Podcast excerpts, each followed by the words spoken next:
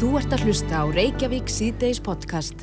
Ég sá það á fjersbókin áðan að Mattías Sveinbjörnsson, fórseti flugmálafélagsins, eh, hann var með beina útsendingu frá flugi eh, rafvélar, flugvélar, núna áðan, Deil, deildi því með vinnu sinum á fjersbókinni. Jáhá. Eh, og Mattías sem er einmitt núna millilendur í, í hérna Munhjön á leiðinni frá Shanghai, vantarlega með eitthvað byrðir. Mhm. Er á línni, kom til sæl. Já, sælbjössu. Segðu okkur aðeins af, af þessu, þetta var tilrauna flug, er það ekki, Tjestna, rafvél. Jó, það passa. Það er, þeir voru að taka á loft á, á, á sem að er nú fjöldaframvitt og hefur verið fljúandi í fleiri, fleiri ári, ég held að þessi tefla 3000 eintökur svona flugulveri flói eða framleitar og en þeir hafa vanlega haft þessi dullu reyfil eða, eða turbinu mótorvelli hættur Mm -hmm. og það er fyrirtæki sem heitir Magni X sem er að taka sem sagt svona eldri vélar og setja bara ramasmótor á þær. Já, breyta þeim. Þetta er önnur vélin sem að já, og þetta er önnur vélin sem fær loft á vél í desember, eh, sjóflugvel það er eiginlega fyrsta uh, vélin sem getur á endanum með farþega, sem í svona atvinnu flýi og uh, hún flög sem sagt þá og, og síðan er þetta í annars skipti núna en þetta er sterk mánuðu setna sem að betni veli fyrir stað. Akkurat, og þessar vélar, hva- er gert ráð fyrir að þær geti komist mjög langt á ramagni einu saman eða hvernig er það? Uh, já, það, þess, þessa vélar fljúaði sjálf sér ekki mjög langt. Ég held að fluttfæli sem þetta byrja 45 mínútur eða eitthvað þess að þar.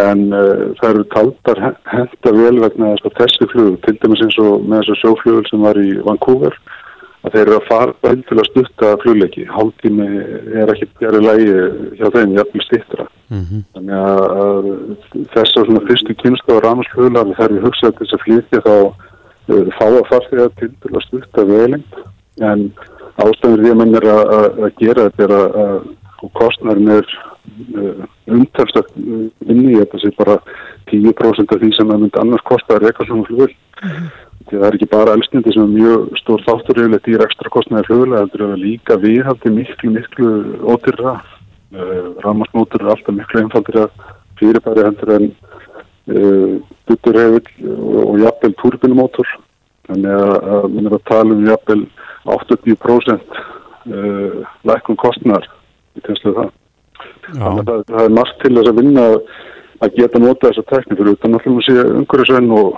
og svo er hún uh, hljóð minni líka það heyrst minni í þessum vélum heldur en vennilegum flugunum já.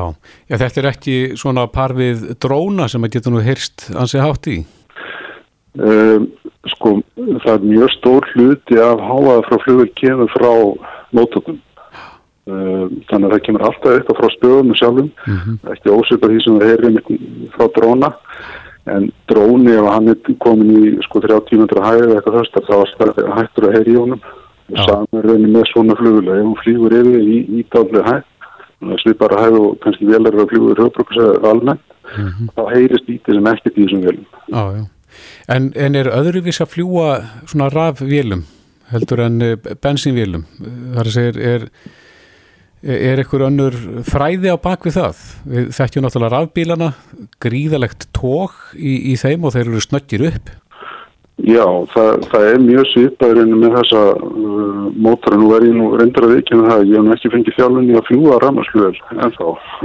En þeir eru, uh, það er nú dæmið með skýrtinni sem ennur að, að, að, að eða svona þjálfun sem ennur að setja upp til þess að maður getur flóðið þessum vélum eins og öðrum vélum. En uh, þær eru uh, einfaldir á allan hátt. Það er rauninni bara eitt skaft á meðan það eru mörg stöft á hinu vélunum og uh, eins lengi á batterið er í lægi maður kannski fylgjast að helst með því að, að, að, heilsa þess í lægi þá er, er miklu færri hluti sem þarstur enn hugsun en þetta er einfaldra á allan hátt. En ef við hugsunum nú svona til framtíðar, nú er þetta bara sífælt að breytast, þetta er að, að þróast hratt. E- Eigum við vona því að sjá já, farþega velar fljúa heimsalva á milli á ramagni einu saman?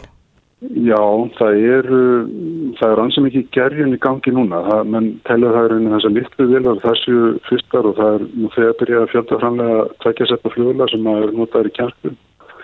þetta er kannski svona næsta skrifið þar sem er með nýju setja vélar fljúa stýttir velendir og svo taka mér þetta svona skrifa skrifið og eftir sem að batteritæknin batnar og menn hafa sliðið framþróinni til þess að það eru batteri sem er meiri orku og, og meiri orku, orku þjætni eru léttari. Og það komast með lengra og lengra. Og menn eru með á tekniborðinu vila sem að taka svona milliskrefið er reyni svona tvinnflugular það sem að það er eða nota bæði, bæði batteri og síðan uh, turbínu til þess að búa til rafmagn á semst yngri fluglegunum þannig að allavega hæprit flugular það er, það er alveg tekniborðinu og er reyni hægt að framlega með núvendi tekni það er ekkert það er ekkert sem að stoppa það er reyni að það sé hægt að búa það til mm -hmm. Einmitt, eh, Mattias, áður við missum þig eins og við sögum hérna að þú ert að koma frá Shanghai, hvað voru það ná í núna? Já, þetta er, þetta er nú bara sama og, og hef, menn hafa verið að flytja henni síðastana vikur, þetta eru grímur og, og búnar til þess að bregðast við ástandinu. Og þetta er, þetta er heilmikið farðalega, við lögum að staða klukkan tíu í, fyrir þetta smortni og svo er flokknir frá hátti 12 eh, tímar, 11, 11 tímar lendi sænhæg klukkan 11 íslensku tíma. Stoppast upp og, allir brettu bermar og hlóði vilna og, og þú var farið tilbaka fjórun tíma setna og já og síðan 12 tíma eftir það þá var lengt setnipartin hérna mjögstinn mm -hmm, Akkurat. Og þeir eru að fara núna eftir öskamastund í loftið og, og heim? Já, síðan er hópur flugmanna sem er hérna bara hótelinu með ekkert fara út fyrir það náttúrulega uh, sem að uh, fljúa síðan heim og, og eftir, eftir þessa já, lungu verð þá, þá er verkefnum lokið. Já, akkurat. Þetta er mjög skemmtilegt að fá að taka það í þessu, það er allir, allir mjög, mjög spenntir og, og finnst gaman að geta lagt sitt að mörgum. Mm -hmm, einmitt. Mattias Sveinbjörnsson, fórseti flugmálafélagsins og flugmaður hjá Æslandi er. Kæra þakki fyrir þetta. Já, takk sem leiðis. Þú ert að hlusta á Reykjavík C-Days podcast. Og formaði viðrestnar en hún sagði í dag að í raun og vera þetta væri afhjúpun á því að engin skýr áform væri hjá ríkistjórnini um opnun landamærna. Mm -hmm. Og það stýttist aldrei í þessu opnun. Já. Rúmar tvær vikur. Þorgjörður Katrín, komið til okkar, velkomin. Sælverði. Svona ef við byrjum kannski á uh, byrjuninni, þessu viðtali gæri, það sem var líka afhjúpað að, að uh, reyði Kára og hans fólks uh, mm. vegna þakkaræðinar, að það var ekki minnst á, á staðsfólk erðagreiningar. Hvað, ef við byrjum þar, hvað, hvað fannst þér um það að, að ráðherrna við sleft að minnast á íslenska erðagreiningu? Ég, ég finnst reyði Kára mjög skiljanleg. Ég, og svona ekki síst kannski fyrir hönd starfsfólks eins og hann eiginlega lísti því ágjörlega fyrir hönd starfsfólks uh, íslenskra erðagreiningar sem er búið að standa sig frábála og hefur verið algjör líkil hlekkur í allra þessari keðju við það að, að vinna buga þessari veiru og ná svona tökum á hann um, en ég veit ekki ég hérna saði það nú líka í þinginu í dag mér, mér langaði ekki endilega sérstaklega að tala um personur og, og leikandi. Við erum með stórubrotna karaktera Uh, Kára, hann er náttúrulega einstakur. Við höfum ekkert verið mjög mikið sammáli gegnum tíðina en ég hef alltaf aðstafanum að við þurfum svona einstaklinga svona vísinda menn, vísinda fólk til þess að, að hérna, taka okkur áfram á, á, á hinnum á þessum sviðum. Og hann er náttúrulega bara á toppnum á sínu sviðu og síðan er við auðvitað með Svandísi sem að Ég get alveg gaggrinnt alveg margt, mér finnst leiðilegt uh, þessi anduð hennar almennt sem að verðist skýna í gegni þessu máli varandi engarekstur í þessum er spurning, er þetta pólitík? Já, á móti segir, vil ég líka segja, ég, ég ætl ekki að fara þangað, þau mm -hmm. eru mhm. bara hafveruglega ástæði fyrir sínu, sínu hérna, sínu hegðun og sínu framgöngu og sínum ákverðunum og þá verður mann bara einfallega að bera ábyrð á því og ég, það er það sem ég vil staldra við að, að mér finnst um, sko, glemum því ekki, 13. mæði þá er opna, sko, þá er opnunum til, tilkynnt með pompoprakt. Það eru sex ráþurar sem framma í á, á bladamannafund og tilkynna þessu opna. Þetta er orðið pólitísk ákvörðin, mjög pólitísk ákvörðin. E, í vikunum upplifum við síðasta fundi, og vonandi ekki bara í byli, svona ofinbæra fund almanna varnaða þrýkisins varðandi, varðandi COVID-baróttuna og það er eiginlega degi eitt þegar pólitíkin er komið með um, ákvarðununa í sínar hendur uh, svona sviðið, ríkistjónin og þá klikkar þetta. Og það sem að okkur var sagt fyrir tveimu viku síðan var hann til opnunum og við heldum að því að ekkit, menn er ekkit að fara að byrja á ákveða opnunum núna bara fyrir tveimu vikum. Menn hljóta að hafa búið til einhverja sviðsmyndir strax þegar það lokar í, í mars. Hvernig ætlum við þegar við opnum hvað sem það er í mæ, júni, júli eða ágúst hvernig ætlum við að standa að þessu? Hverja við að ringi hverja við að byggja um að leggja hund á pló og Íslensk erðagreining er náttúrulega búin að, að gera uh, mikið og eiginlega gott betur en, en það og, og hérna ægið þetta veiku, vekur svona ákveð, ákveðna óvissu hjá manni og, og, uh, og maður hefur verið að benda á þreiminningana snjöldu hvað þau náðu að gera. Því öll voru við í þessari, þessari sko óvissu rússipanna ferð hva, í hvað úti við, við erum komin og allir heimurinn.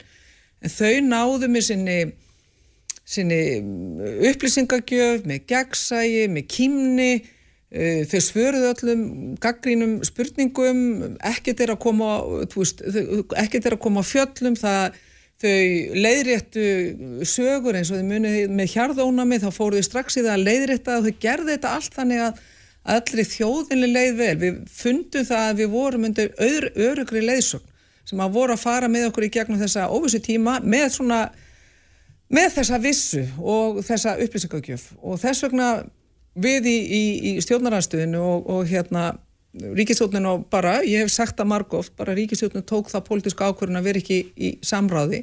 Gott og vel, ég, við höfum gerst allt til þess að stiðjana, við höfum ekki verið að þvælast fyrir það, alveg freka gaglinn okkur fyrir það að við höfum verið og, og hérna liðleg. En mér veist verra þetta samráðsleysi við, við vísindafólkið sem við erum að upplifa bæði inn á LSH, inn á verudildinni og síðan við, við, við Kára og Íslenska erðaganningu. Það finnst mér miður og finnst mér bera vottu það að, og afhjúpar það að opnunin, þessi ákverð, ákverðun, pólitíska ákverðun, sé ekki nægilega vel undirbúin. Mm -hmm. Nú hefur komið fram í, í fréttum í dag og í gæra að uh, þetta sé í raun og vera ekki hægt án aðkomi Íslenska erðagreiningar hvernig slæri það þig að það hafi ekki verið haft neitt samráð, ekkert samtal átt sér stað? Já, það er það sem kemur okkur á óvart og, uh, já, og það er eiginlega það sem að flestir, eins og ég segi, óháð personum og leikundu, það er það sem að flestir voru undrandi og hissa. Að þegar málun eru komið þákað að við erum ekki lengur, þú veist, vísindafólkið og vísindamennir okkar er ekki lengur að taka áfórun og láta stjórnmálamenn að framfylgja heldur er þetta eiginlega komið öfugt. Að stjórnmálun, ríkistjórnin er að taka ákverðun og hefur síðan ekki nægileg samráð við vísindamenn og það er það sem að sem að mér finnst vond en ég segi bara við verum að halda áfram og þetta bara þarf að laga og, og hérna ég geti tala lengi um þetta að mér finnst þetta mér finnst þetta óþarfa skref á mjög viðkvæmu stígi þegar við hlökkum til þess að við sjáum að farin í ákveð skref opnunar en það er vand með farið og það verður alltaf erfiðar að opna að taka ákveðunum um opnun en það þarf að gera það og það er mm. búið að taka ákveða 15. júni, gott og vel gera það þá almennilega og þá þýðir ekkit að, að útloka eitt mikilvægasta eða klipp og eitt mikilvægasta hlekkin í, í allir þessari keðju því að eh, landsbítalinn er búin að standa sér stórkostlega allt helbriðistarsfólk, framlínu fólkið okkar allstaðar en líka íslensk arðagreining og það er ekki mhm. að sleppa henni. En ég segi bara um að gera Uh, að, að leiðrita þessi mistökum ég, mér fannst gott að, að Kári var komin upp í stjórnar, stjórnaráð og ég veit hann að líður alltaf vel með Katrín Já, en að því hún nefnir þarna viðþorf ráðarnas til engaregstus sem að er kannski, kannski er þetta mála endur spekla það. En svo eru verkefni sem býða hérna eftir að þessu allir sama líkur, það eru bygglistar og þar er, er, þarf ekki engar eksturinn að koma þar til stjálana líka? Jú, jú, við erum náttúrulega búin að leggja fram tillögu, við erum að sjá upplifa þessa löngu bygglista uh, sko, tíu mánada bygglista uh, langa bygglista hérna, hjá fólki sem að þarf er að upplifa mikla kvalir í, í liðum, þú veist það er verið að býja eftir liðskipta, mjadmaðgjörðum, nýjaðgjörðum eða hvaða heitir allt saman. Og þetta er náttúrulega búið að, að, að býða á meðan og þá náttúrulega þurfa allir að koma að en, en ríkistjóknin og það er, þú veist, við vitum alveg hver stefna vinstur græn er í þessu. Og, og ég efast ekki um það að fyrir vinstur græn þá finnst þeim gott að fá klapp á bakið að þau hafa ekki verið mjög liðlega við, við enga framtæki, en við þurfum einfallega enga framtækina að halda, alveg svo við síndum það í, í barátunum við COVID. Þannig að ég vona að, að, að sjálfstæðisflokkunum fara nú að vakna af þessum, þessum drunga sem hann er í innan ríkistjórnar og, og segja, herri, kæru samstarfsfélagar, eigum við ekki að, að bara fá alla að borðinu til þess að, að leina þjáningafólks og, og minka þennan byggtíma og eh, ég finnst þetta, þetta er bara að taka ákverðin, bara guðunabænum getur farið í setna í þess að hugmyndafræðilegu umræði en það er fólk aðna sem býður á bygglustum þetta er ekki bara einhverjar kennitölur á bladi þetta er fólk með líf og sál og fjölskyldu sem er ekki kannski að upplifa sem er lífsgæði út af, út af því að, að það er stefnaðum að hafa bygglista mm -hmm. Við höfum talað um það hér áður og jafnvel bent á það að það gæti verið hagkvamara fyrir sko, ríkisjóð að senda fólk ekki úr landi og, og framkvæma þessar aðgeri hér af enga aðlum. Mm. Hvað er það sem að stoppar það? Er þetta bara pjúra pólitist? Já, þetta er alveg pjúra pólitist. Við erum náttúrulega búin að fara í gegnum þetta margótt. Við erum búin að leggja við í viðrist við lögum tillögur í, við, við fjallagagerðina og fjallagaumræðana. Það var felt af öllum líka sjálfstæðisfloknum til þess að allavega punta inn og setja inn ákveði fjármang til þess að allavega að, taka mesta kúfin, það var felt, við hefum komið með frumvarp uh, með fleiri stjórnarnastöðuflokkum til þess að, að liðka fyrir og, og einmitt taka aftur þennan mesta kúf, það hefur allt verið felt eða að það fæst ekki á dasgrá. Þannig að, að og skilabóðin í þessum umræðum er að við erum ekki að fara að hleypa frekar enga aðlum að í, í það að, að að eh, minka bygglistana, við ætlum frekar að senda fólk úr landi með ómaldum kostnaði, miklu meiri kostnaði heldur en, heldur en hér heima. Það kostar hátt á þriðju miljón að senda einn út á enga klínik út í Svíþjóð meðan að það er að gera sömu aðgef fyrir einhverja 11-1200 krónur hérna heima. Mm -hmm.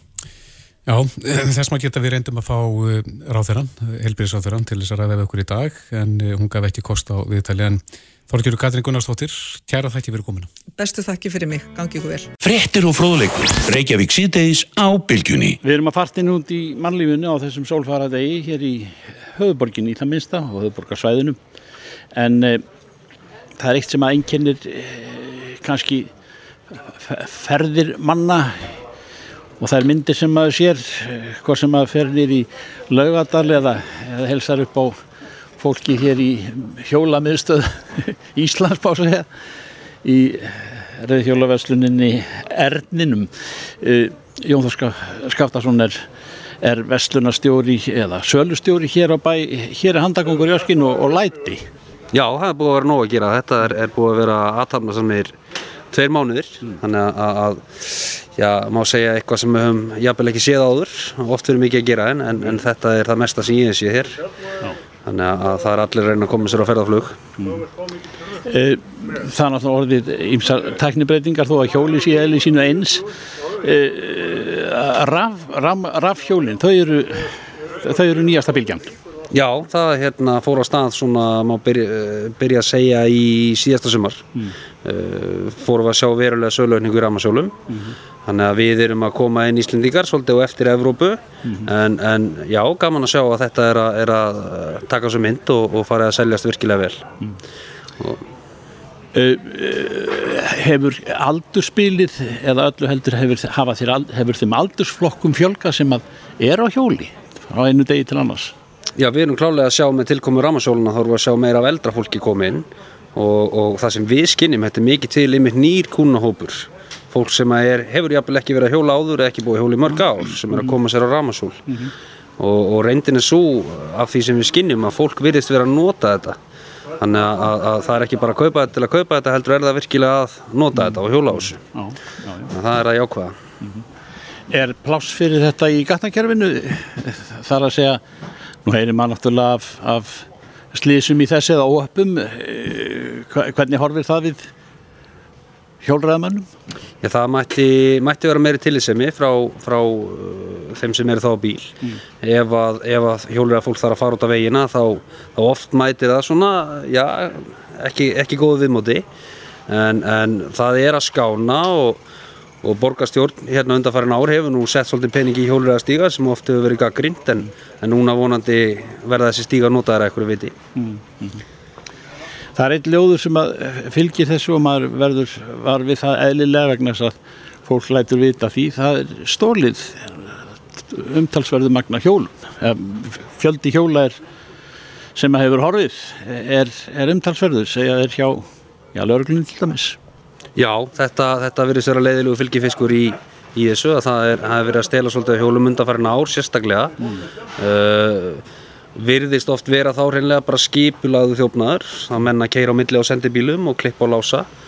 Uh, þetta hefur þó af því sem ég hef skinnjað aðeins minkað yfir þetta blessaða góði tímanbil af því að mikið af þessum hjólum virðist hreinlega verið að fara úr landi.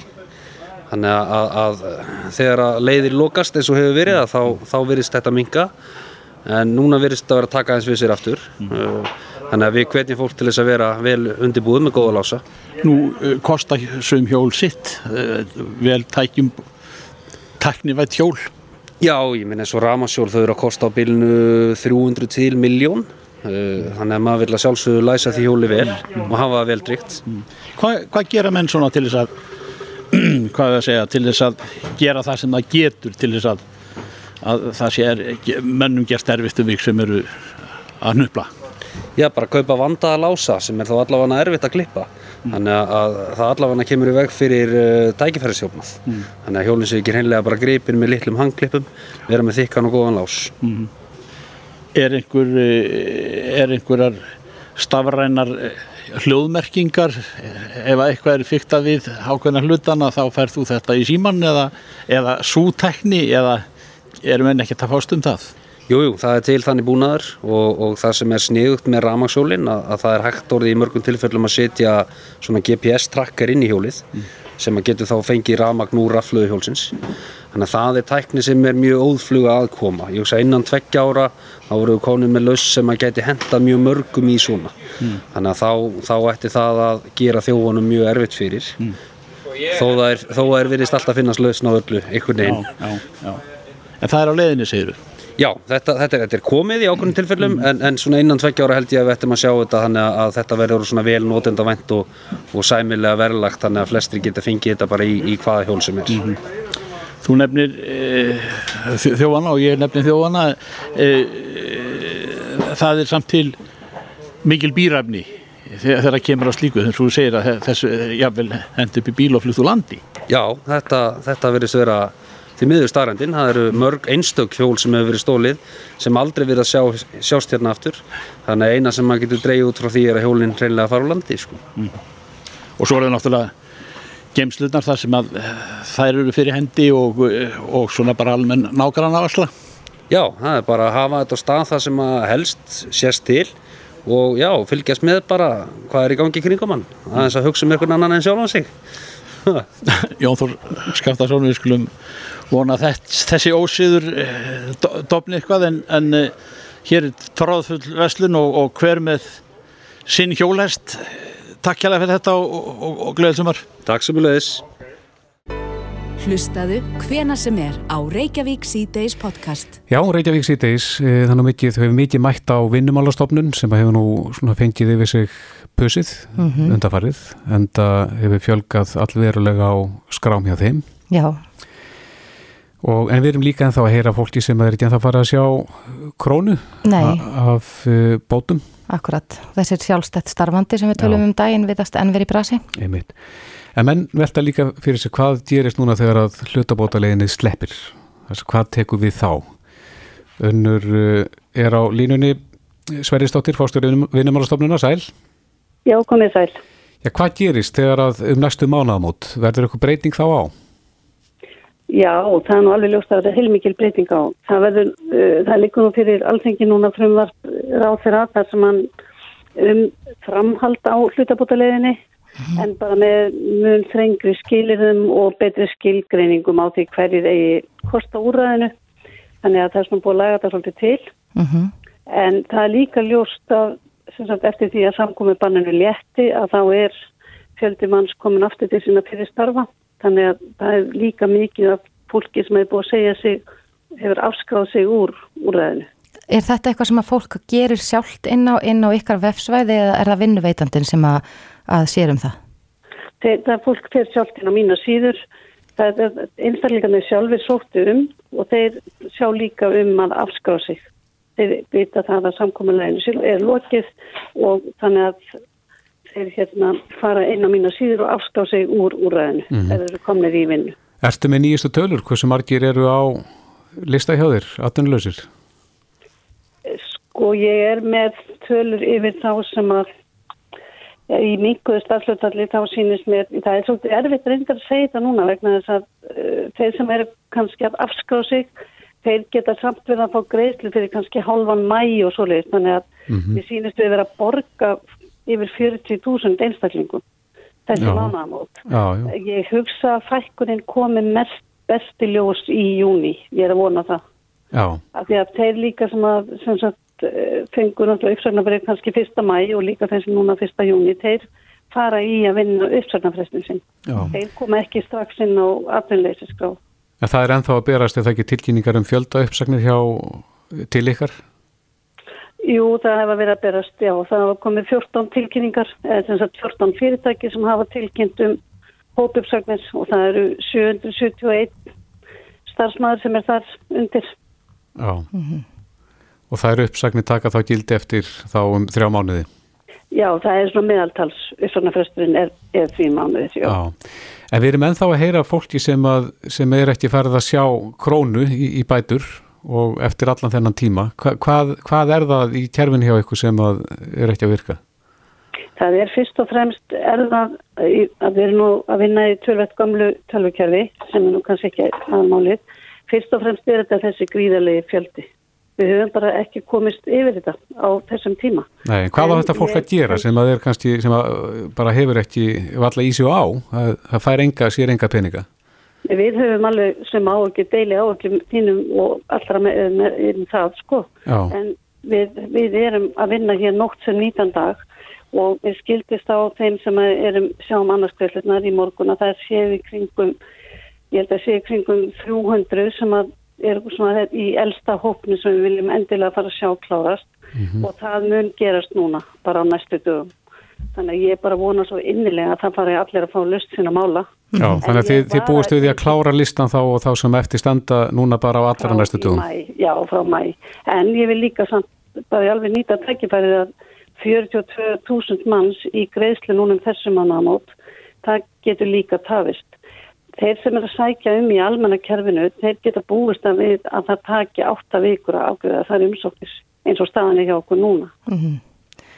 En er þú talaður hérna aðeins áðan um, um þessar breytingar og hlutabóta leðinni sem að eru á þinginu.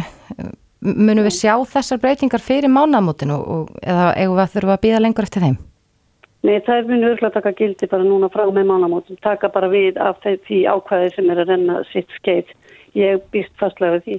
En þekkir þú það, ef, ef söm fyrirtæki gerðu samninga við sitt starffólk um, um að, að hlutabótalegin væri út 31. mæ um, þeir sem hafa ekki enn hirt neitt af breyttu fyrirkomulagi að haldast þau áfram í hlutabótaleiðinni eða, eða Nei, það mun þurfa sko, atvinnureikundur mun þurfa núna í júni þegar að nýja ákvæði tekur gildi að tilkynna okkur eða staðfesta um að það er að við gerst nýtt samkomiðlag við því starfsfólk. Mm -hmm. Þannig að það þarf eiginlega að sækja um upp og nýtt eins og en ekki kannski ekki sækja um en jú, í rauninni sko launþegarnir eða, eða starfsmenninir þeir munu bara staðfesta það að þeir séu ennþá í kerfinu hjá okkur en atvinnureikundinir verða staðfesta upp og nýtt. Mm -hmm. Já, hverju spáir þú um framhaldið? Hvernig munu næstu mánuði lít út? Ég er nú að vona að það fækki tölverð hjá okkur núna í júni og júli og svo, er ég nú eiginlega ekki að spá lengra. Æ, áttu vona því að það losni aðeins um og, og detti af skráði hjá okkur þegar að landið opnar? Já, ég býst nú fastlega við því. Já. Ég býst nú fastlega við því ef við fáum einhverja ferðamenn þá er náttúrulega strax fyrir það lagast ástandi. En það mun alltaf, það er alltaf það mikið að bæði tölverðarfólki sem er að fá uppsagnir yllu heitli mm -hmm. og svo líka törður fólki sem er að fara í sín, sitt gamla starf þannig að það mun vonandi fælka hjá okkur í sumar. Já, akkurat. Önnur Sveristóttir, fórstjóri vinnumála stofnunar, kæra þakki fyrir þetta og gangi ykkur vel að greiður þessum flætjum. Já, takk sem leiðis. Bless, bless. Já, bless. Reykjavík síðdeis á bylginni. Já, já, það er nú margt sem að, maður finnur á netinu og eitt af því var fæsla Stefáns Hilmarssonar söngvara sem að vakti aðtegli mína og, og fleiri. Mm -hmm. Hann eh, setti fæsluðin í gær, það sem hann segir, ég áttaði með því í gær þegar ég aðstóða 16 vetra sonin við undirbúning fyrir starfræðipróf að ég hef ekki glýmt við algebri hartnar 40 ár. Þurfti ég að hafa töluvert fyrir því þá, líkt og í gær. Nú í kjálfæri spurði ég mig í hljóði, því eru unglingar látnir ganga þessi svipugöng ef notagildi er ekki meira. Öll þessi ár man ég ekki til þess að hafa þurft að þáta eða grípa til reglu píðagórasar og það er sama, sama kvartlaði mér um daginn þegar að íslensku próf stóð fyrir dyrum og það rann upp fyrir mér að ég hef líklega aldrei þurft að greina frumlag eða forsetningarlið á loknu námi. Og svo heldur hann áfram hérna síður í festunni ég er ekki komið tími til að breyta áherslum. Leggja til dæmis meiri þunga á hlutfallareikning, byrjenda hagfræði og fjármálalæsi en leifa Píþagóras að býða aðeins uns ungmennin sérhafa þessi síðar á námsverlinum. Nú eins hekk ég að fáir myndu ber af því skafa að læra ekki setningafræði fyrir en lengraði komið og áhí á þeim fræðum mögulega tekin að glæðast. Íslenskan þarf að vera stjæmtileg framan af, nógu erfitt á hann uppdrátt að nú á tímum. Betur fara á að halda í ríkari mæli að grunnskólanemum líflegum bókum, kenna til dæmis orðtök, málsætti og gildi góðra ljóða og jafnvel sönglaða texta. Þannig að þetta er vangavelta, Stefán, svo ég veit að margir hafa velt þessu sama fyrir sér í gegnum tíðina þegar að, þegar að þeir hafa verið að rifja upp hvað þau voru að læra í skóla. Já, ég hef nú allavega, ég get bara staðfest að ég hef aldrei þurft að nota algebru í mínu daglega lífi. Nei, nei, en þetta getur sett marga út af læginu og ég hef vel drepið áhuga marga mm -hmm. á starfræði við höfuð. Á línunni er Hermundur Sigmundsson, professor í lífæðilegslegri sálfræði við HR og háskólinni Þrándheimi. Sæl? Aflesaður. Hvað segir þú um þess að angaveltur eh, Stefáns? Já, það er örgulega margt til í því sem Stefán hefur sagt og eins og maður segir það má alltaf skoða atrið skólakerfun sem betur mætti fara og e, þar, þar sem við höfum verið að vinna mikið að með að, e, að vinna breyttu skipulega skóladagsins mm. það er að e, vinna meira með grunnleikjandi færni og, finn, og þá gerir að segja hvað er grunnleikjandi í eins og lestrinum að íslenskunni, hvað er grunnleikjandi í náttúrufræðinni og hérna starffræðinni mm. og síðan sé gefið meira valmöguleikar að krakkarnir eins og, eins og í Nóri til að eins og við tökum lesturinn og, og, og þá sjáum það að mun meiri áhersla á skrif. Frá eða fyrsta degi þeir eru búin að læra að lesa þá byrja að skrifa líka. Eins og krakkar sem er að klára gagfraskóla og mentaskóla þeir skrifa verkefni þeir eru að skrifa stíla. Þannig að mætti kannski skoða það betur því að ég tel eins og í íslenskunni að það sé mjög mikilvægt eins og þegar maður tala bæði við réttöfund og aðra, það er að geta komið efni frá sér skriflega og líka munlega. Já. Það er kannski líkiti þar sko. Einmitt, að, að því að það er oft talað um algebruna eins og Stefán nefndi hérna, hann hefur ekki þurft að nota algebruna í, í 40 ár. Hverjir geta hugsanlega nýtt sér algebruna út í samfélaginu? Nei, sko það er náttúrulega, sko algebra er uh, mjög mikilvæg í vissu típa námi sem fer eins og í háskólanámi eins og verkfræði og eins og kannski að normenn er leist þetta, þá eru þeir með sko þrjár leiðir í mentaskóla. Mm -hmm. Þeir eru með leið sem er svona léttari leið sem þú tekur bara þá starfræði, grunnleikandi starfræði í tvö ár, svo er aðeins erfiðar leið og þriðja leiðin sem heitir R1 og R2 eðvöld fari verkfræðinám þá verður þú að taka það mm -hmm. uh, þess að þá gúsa Er þetta alltaf einu gröð til okkur? Sko uh, ég er að segja að við mættum kannski hafa ennþá meira var held ég, við mættum hugsaða þannig og líka gætvel niður í grunnskólan og gagfræðaskólan að þessi ákveðin grunnur sem að við meirum að krakkarnir eigi að kunna sem er kannski samlagning, frádráttur, markföldun og deiling. Og svo getum við haft kannski meira val eins og Stefán inn og hann er að tala um alls konar önnur aðtöðu sem að geti kannski verið skæti, verið sniðut að fá inn. Mm -hmm. eh, sem að krakkarnir geta á valið, þess að hvernig svona ábót, þú fara ábót á kaffinu og þessi vilja að fá ábót í í hérna starffræði þá fáum við það. Mm -hmm. Hinn getur kannski, kannski tekið þetta mínimala sem er mínima til þess að komast gegnum allavega starffræði 1 og 2 í sem er kannski læsta nývóið í, í mentaskóla. En þá hefur við ákveðið grunn og gera það vel skilur, Mhm. að, að, að, að, ekki Stefán þurfi að vera að fást við þetta heima, þetta eru strákur sem er búin að læra þetta í skólunum Akkurat, nú hefur líka að oft við séum að verið það- og þá hefur Já, fyrir ekki, nú hefur oft verið talað um líka sko að, að eh, þegar að, börn og úlingar standa frammi fyrir svona krefjandi verkefnum sem að, að eru alls ekki inn á þeirra áhugasvið annars líkt að þau missir reynilega bara kjarkin í, í náminu og væri þá ekki vissara að ja, leggja áherslu á það sem vekur áhuga og eins og hann talar um hérna, hann Stefán líflegum bókum, orðtök og málsættir í stað sko setningafræði. Sko algjörlega. Og það sem að ég tala við framúrskanandi rítöfund og þeir þurft að ekki hugsa svo mikið um það heldur meira að geta skrifa hennar texta. Og eins og við vera tala um líka á fleiri að það veist, gífulega mikið að þess að skapa áhugan á lestur og bókmöntum það er að hafa skemmtilega bækur að skemmtilega viðfórsöndin sem getur fengist við.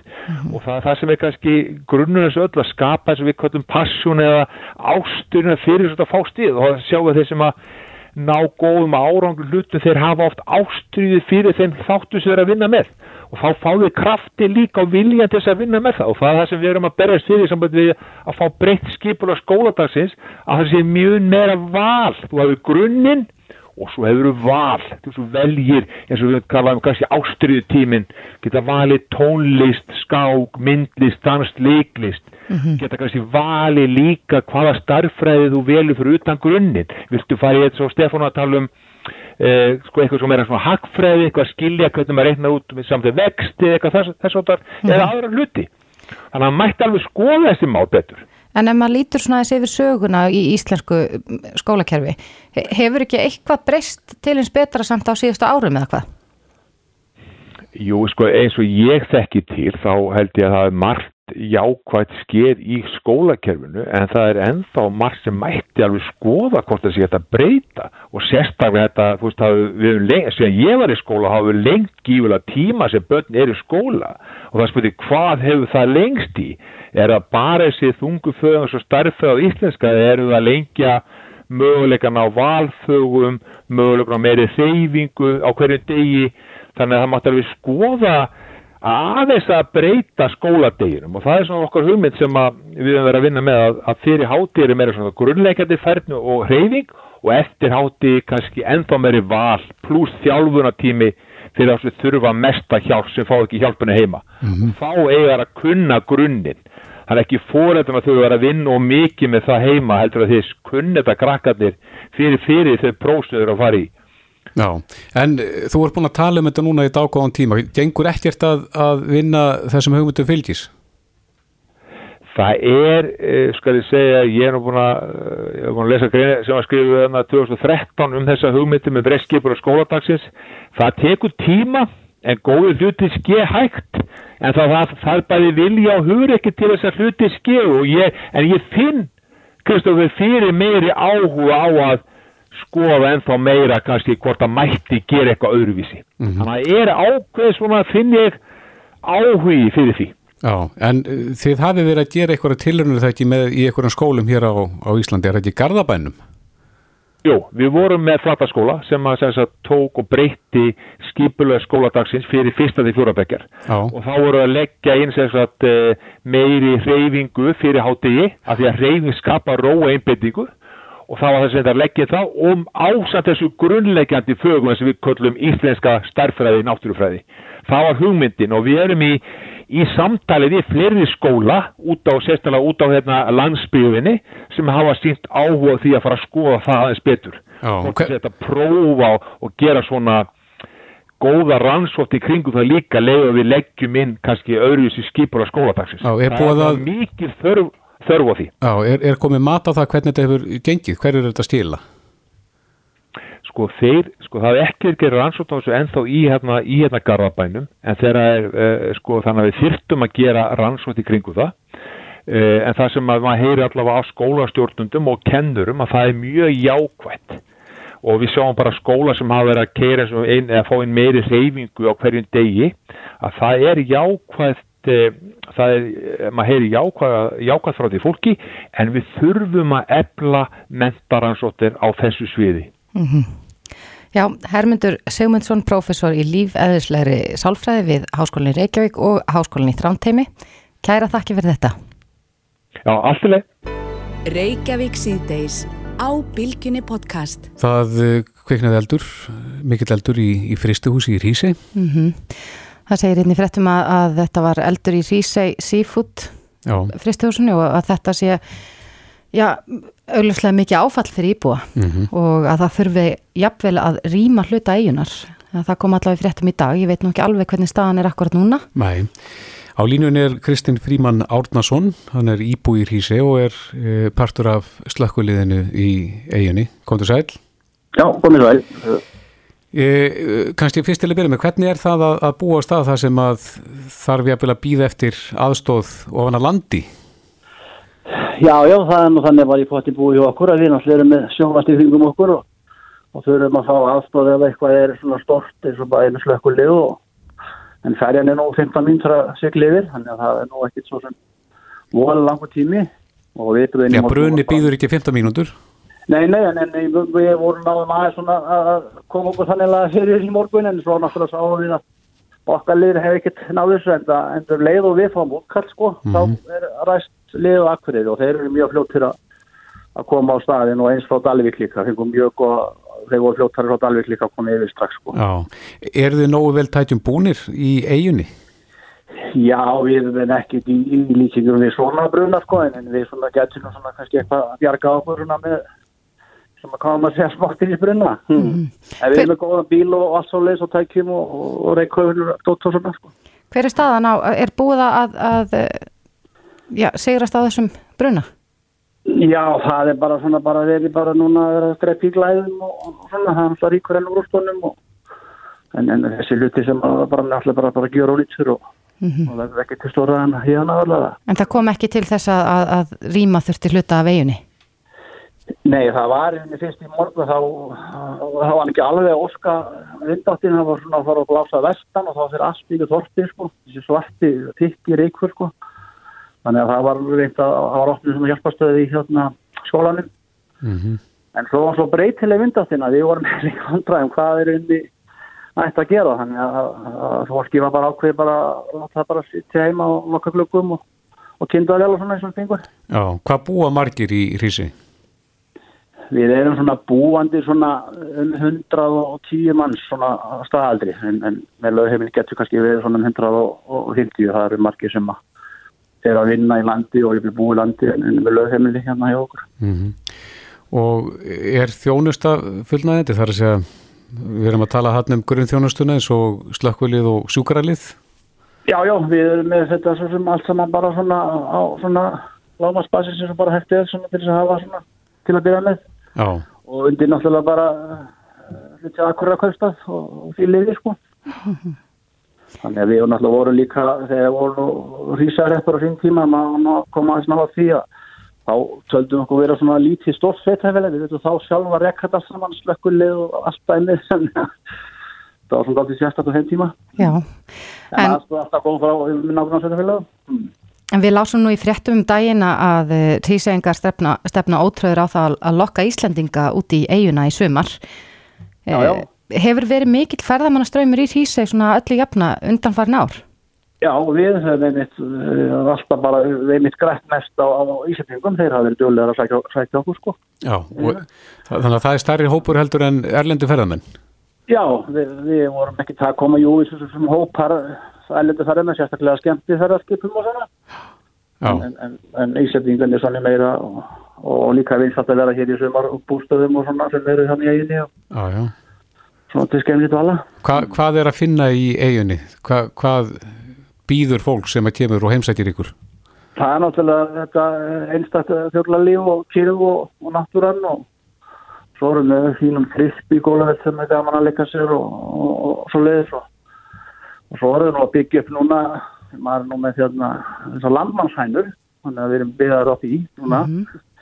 Og við erum með, ætlum að reyna að gera út að ferðamanni með það að geta að fara heimsagt landmannshæsna búið hjá okkur og, og komið og gefa, gefa hænunum bröðið eitthvað. Já, Hrísi getur líka verið físilegu kostu fyrir þá sem að vilja halda sig út af fyrir sig, út af því að núna er náttúrulega mikið verið að tala um já, þessa tvekkjametra reglu, þessa nýju tvekkjametra reglu að, að maður er að veita þeim sem að óskar eftir því hæfilega fjarlægt og það Já, er nú ekki, ekki mikil tróðningur á eiginni.